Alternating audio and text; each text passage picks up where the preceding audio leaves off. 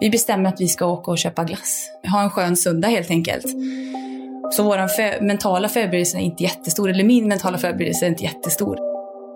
Blod har ju en förmåga att smeta ut sig och synas, så att eh, om det var en liter eller tre liter, det vet vi inte. Så vi vet ju inte om det är någon som är död eller eh, ja, om det är någon som är svårt skadad och förd till sjukhus. Det vet man ju inte.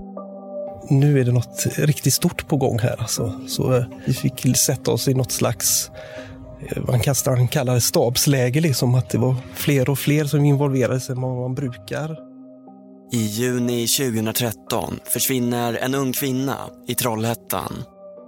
Rätt fram, jag kollar in där, så sitter det ett jättelitet barn med enormt stora ögon som tittar på mig. Eh, jätteförvånad och skräck i blicken på något vis. De kommande veckorna ska tusentals människor engageras i en intensiv jakt efter svar. Det här måste vara bland det mest fruktansvärda man kan råka ut för. Och när det väl har satt sig då, i, någonstans i hjärtetrakten, så, så det är väldigt svårt liksom att inte fullfölja om man har möjlighet. Här ser jag då alltså att det har brunnit. Eh, någon har eldat. Jag ser det på håll först och tycker att det är en märklig plats att elda på. Därför att eh, det är absolut ingen eh, plats att grilla på. Jag menar det finns ju ingen av er som skulle ta ut kompisar och grilla på ett sånt här ställe liksom.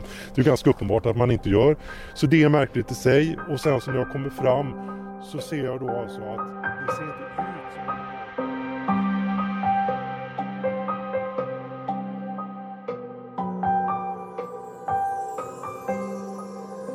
Lyssna på en mörk historia om försvinnandet i Dannebacken. Tillgängligt den 28 maj.